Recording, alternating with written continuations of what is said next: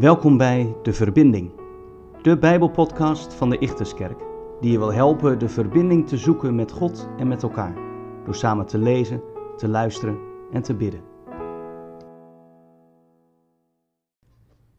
Vandaag lezen we Genesis 16, vers 7 tot en met 16.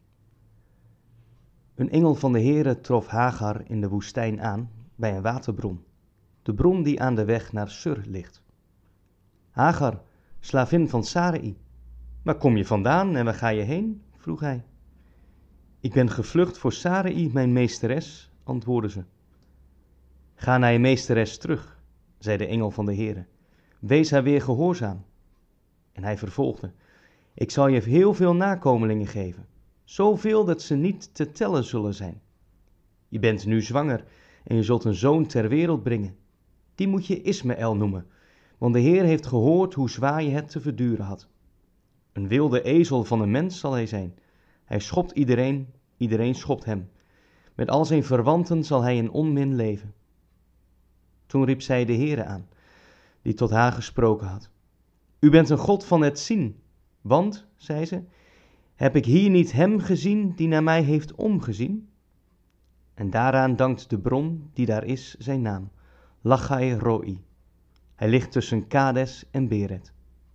Hagar bracht een zoon ter wereld, en Abraham noemde de zoon die zij hem gebaard had, Ismaël. Abraham was 86 jaar toen Hagar hem Ismaël baarde. In de psychologie wordt gezegd dat het gevoel gezien te worden, waardering en begrip te krijgen, dat het een van onze basisbehoeftes is. Als het ontbreekt, dan komen we terecht in een onzekere en akelige compensatiedrang. Gebrek aan waardering en begrip, het niet gezien worden, heeft ook Hagar ervaren. In haar strijd om maar erkend te worden in haar nieuwe positie als vrouw van de grote baas Abram, komt ze in een hevige strijd met Sarai terecht. Sarai vecht voor haar eigen positie en Hagar wordt op straat gezet. En zo komt ze in een onzekere en akelige positie terecht. Als zwangere vrouw alleen in de woestijn. Kwetsbaar voor elke man die langskomt. Kwetsbaar voor de gevaarlijke omgeving van de woestijn zelf.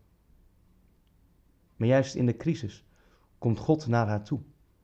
God ontfermt zich over haar.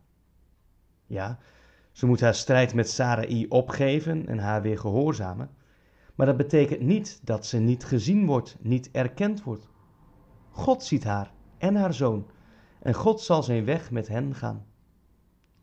God is de God van het zien, zegt Hagar. En zo maakt de Heere zichzelf en ons bekend vandaag. Hij is de God die je ziet.